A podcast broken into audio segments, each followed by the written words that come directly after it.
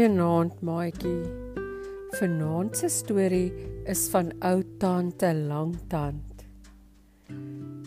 Daar was eendag 'n lelike ou tante wat net een lang tand gehad het. En haar naam was ou tante Langtand. Die ou tante het haar tand baie goed bewaar. Dit was haar enigste tand en sy moes dit hou om mee te eet. Anders sou sy sekerlik sterf van die honger. Sy was baie trots op die tand wat sy nogal van haar ouma geërwe het. Jare lank het die ouma die tand gebruik en regtig goeie diens daarvan gehad. Elke aand het ou tante Langtand die tand sorgvuldig uitgehaal, mooi skoon gemaak en baie veilig bo-op die klerekas weggebêre tot die volgende oggend. Versuim sy haar plig net een aand, dan het die tand langer en skerper geword gedurende die nag. Op die manier kon die kosbare tand dalk heeltemal onbruikbaar word. Nee, my tand sal ek oppas, want daar is nie nog 'n tand in die land wat 'n beentjie so lekker afkou soos myne nie. Een aand, toe sy die tand weer op die kas bære, glip dit agteraf en val naby 'n muisgaatjie waar dit in die stof bly lê. Hier het 'n nuuskierige ou muisie dit gesien, daaraan gaan ruik en dit toe weggedra na die muisgaatjie om vir sy ma te vra watter soort ding dit kan wees en daar het dit gebly. O my liewe tyd, toe ou tante Langtande die volgende oggend soek, kon sy dit nêrens kry nie. Dit was skoon weg. Ek soek, ek soek, brom die ou vrou terwyl sy die kas van die muur af wegtrek. Maar daar was niks nie. My tand is verlore, my tand is verlore. Wat sal ek doen? En sy dwaal ewe verdrietig daar in die huis rond. Oral het sy nou al gesoek agterkaste, onder beddens, op rakke, in laaitjies, maar net verniet. Sy kyk by die venstertjie uit en sien 'n entjie daarvandaan haar buurvrou se huisie. O, nou weet ek wie my tante het. Dis daardie ou vrou wat nou kort hier langs my kom woon het. Sy het nie een tand in haar mond nie en was jaloers op my mooi tand. Wag, ek sal haar kry. Hoe durf sy my fraai tand steel vir haar lelike ou mond wat net soos 'n perd se lyk. Toe ou tante Langtand die gedagte kry, spring sy sommer dadelik by die voordeur uit en sit af pad langs na die huisie waar sy vinnig en hard aan die voordeur klop. Niemand kom uit nie. Sy wag en wag, maar alles is doodstil. Toe loer sy versigtig deur die venstertjie of daardie ou vrou nie miskien al die tyd binne met die tand wegkruip nie. My tand, my tand, gee dit tog vir my terug. Ek het al so honger, pleit sy maar daar kom nie antwoord nie. Toe word ou tante Langtand kwaad. So 'n ou skelm om my erfstuk so te steel. Sy is uit, maar wag. Ek sal haar voorlê as sy vandag huis toe kom. Die ou vrou stap pad langs dorp toe. Sy begin moeg voel en gaan op 'n klip sit en wag om te sien of haar buurvrou nie verby huis toe sal kom nie. 'n Man kom verby en sy roep na hom. Ek het my tand verloor Het jy dit nie miskien eers gesien nie? Wat? Jou tand? Ja, gee dit tog asseblief terug as jy dit het. Ek het nie jou ou tand nie. Wat wil ek daarmee maak as ek 32 van my eie het? Nee, jou tand wil ek tog nie hê nie. En die man stap weer aan. Sy sit maar daar op die klip en kerm oor die verlies van haar tand. En toe sien sy daar kom iemand in die pad aan. Hy het 'n tandpyndoekie om sy kop en sy wange is dik geswel. Jou lelike ou skelm, dis jy wat my tand gesteel het en daarom het jy tandpyn. Dis goed so. Maak jou mond oop en gee dit terug. Die man vererg hom op die plek gaan jy na die hoenders? Ek het nou net 'n paar dosyn deur die tande dokter laat uittrek en vir hom present gegee en nou wil jy ook nog een hê. Kyk, hy maak sy mond wyd oop en daar is nie 'n tand te sien nie. Toe stap hy vies weg. Waar is my tand? Waar is my liewe mooi knap skerp tand? Kla sy en daar sien sy nou 'n derde man aankom. Toe hy die ou tante daar sien sit en hoor wat sy brom, bly hy verbaas staan. My tante is weg. My tante is weg. Wat? Het die muise dit weggedra? My liewe, daar het ek nooit aan gedink nie.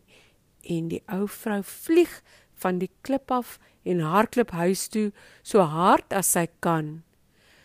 Gou word die kas weggeskuiwe en daar uit die donker muisgaatjie steek 'n puntjie van die tand. Ai! Lag ou tante Langtand toe sy weer die tand in haar mond het.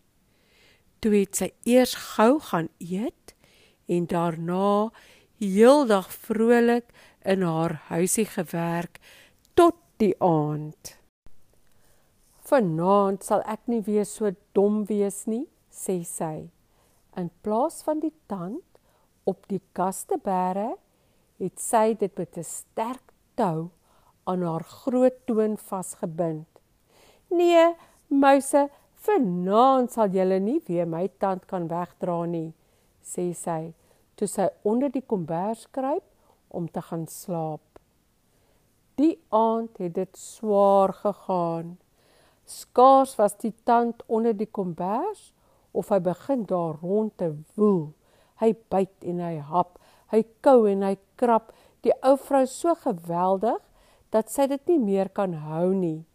Sy vlieg uit die bed en begin ronddans. Maar hy wil nie ophou byt nie. Sy hardloop deur die huis met die tou en die tand agterna tot by die kombuis. Gryp 'n groot mes en sny gou die tou af. En toe is die tand stil. Nee, jy gedra jou baie sleg vanaand, my liewe mooi tand, sê sy en dra dit kamer toe. Sit dit regop langs die bed op 'n klein tafeltjie neer en kruip weer onder die komberse in. Sy was gou vas aan die slaap en snork kliphard, so hard dat sy glad nie wakker word toe die kat op die tafel spring nie. Die tand het van die tafel afgerol en onder die bed in. En toe sy die volgende oggend wakker word, het sy haar weer amper flou gesoek na die tand. My liewe tyd. Dis genoeg om my 'n swak hart te besorg of te laat sterf van die honger. Vanaand haal ek nie weer my tand uit nie, sê sy. So het dit gebeur dat ou tante Langtand die aand met tand en al gaan slaap het. In die middel van die nag voel sy die tand groei langer en langer. Oh, ek is nou verplig om wakker te bly tot môre, want slaap ek, groei hy al meer. Ou tante Langtand het heel nag wakker gebly. Maar tog was die tand so lank dat dit oral gehaak het. Vannag kan ek hom nie weer in my mond hou nie. Hy sal te lank word vir gebruik en ook naderhand in die grond vassteek as ek daarmee wil rondloop. Ek moet 'n ander plan maak. Ou tante Langtand het nie dieselfde soort kos as ander mense geëet nie. Sy het nooit groente, die gesondste van alles geëet nie, maar bene het sy geëet. Baie baie bene. Die dag het sy eers 'n goeie maaltyd van 'n groot skottel bene gemaak en toe haar Charlie omgesit om dorp toe te gaan. Toe sy daar kom, begin sy iemand soek wat by haar wil kom werk. Sy wou 'n wakker kerel huur om haar kosbare tand op te pas. Sy ontmoet 'n ou werklose bedelaar. "Weet jy nie van iemand wat by my kan kom werk nie?" vra sy. "Juffrou, ek soek werk. Ek wil graag 'n stukkie kos verdien," antwoord hy.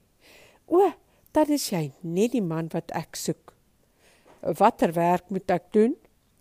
"Jy moet my tand oppas." tand oppas? My liewe tyd. Ek kry nou net gedagte dat ek nog baie ander werk het wat eers moet gedaan word. En met die ekskuus maak die bedelaar dat hy wegkom. Ag nee, ag, die ou vrou met haar lang tand sal net een hap gee. Dan bly daar niks van my oor nie. Ek wil darm nog 'n bietjie langer lewe, dink hy. Die aand klop daar 'n man by ou tante Langtand se huis aan. Uh, eh, "Nou, juffrou, ek hoor juffrou soek 'n werkman wat fliks en betroubaar is. Ek is so 'n man en ek soek werk." "Nou ja, jy kan by my kom werk." Uh, "En wat moet ek doen?" "Jy moet my tand oppas." Uh, "Ek kan al die tande van die wêreld gelyk oppas. Ek verstaan dit goed, sê die skelm. In sy binneste wil hy hom amper siek lag. Die man was 'n skelm. Hy het gehoor dat die ou vrou baie ryk was en dat sy iemand soek om vir haar te werk. Toe dink hy dat hy so kan uitvind waar sy haar skatte bære. Sy twee maters sou hom dan help om dit in die hande te kry. En tussen hulle drie sou die buit verdeel word. So het die skelm toe by die ou vrou gaan werk. Die aand het sy heerlik geëet en die skelm geroep. Kyk, ek wil nou gaan slaap. Hier is my tand. Elke aand en elke oggend voor ek opstaan, moet jy dit netjies skoonmaak en blink borsel. Daar moet niks kossies aan bly sit nie, anders word my tand sleg. Jy weet mos self, 'n slegte tand gee jou baie pyn of hy maak jou siek of hy laat jou honger ly. Hier is dit.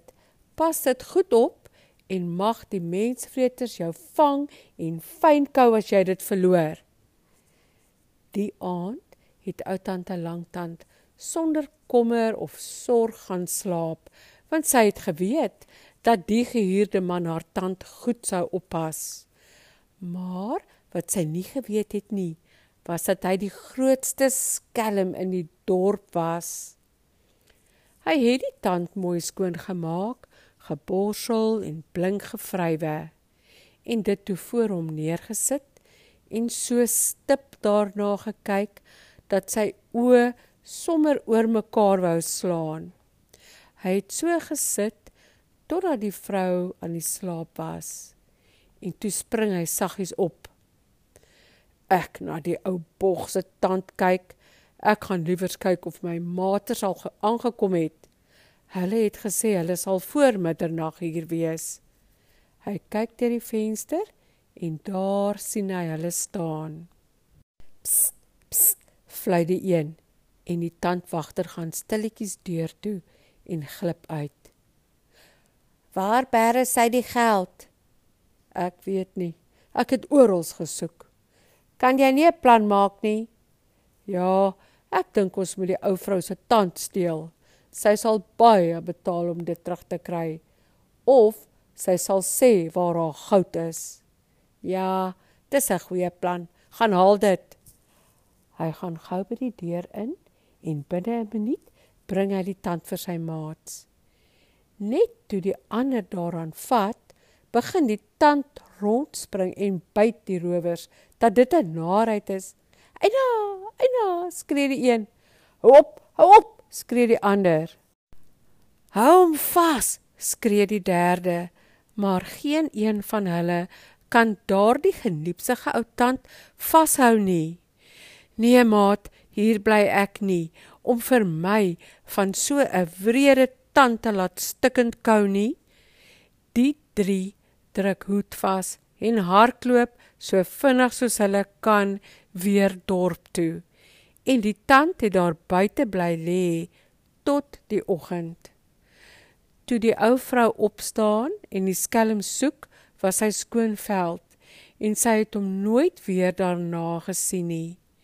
Die tand het die hele nag daar buite bly lê en die môre toe sy dit sien en probeer optel, vind sy dat dit wortel geskiet het in die grond. Dit was onmoontlik om dit uit te kry.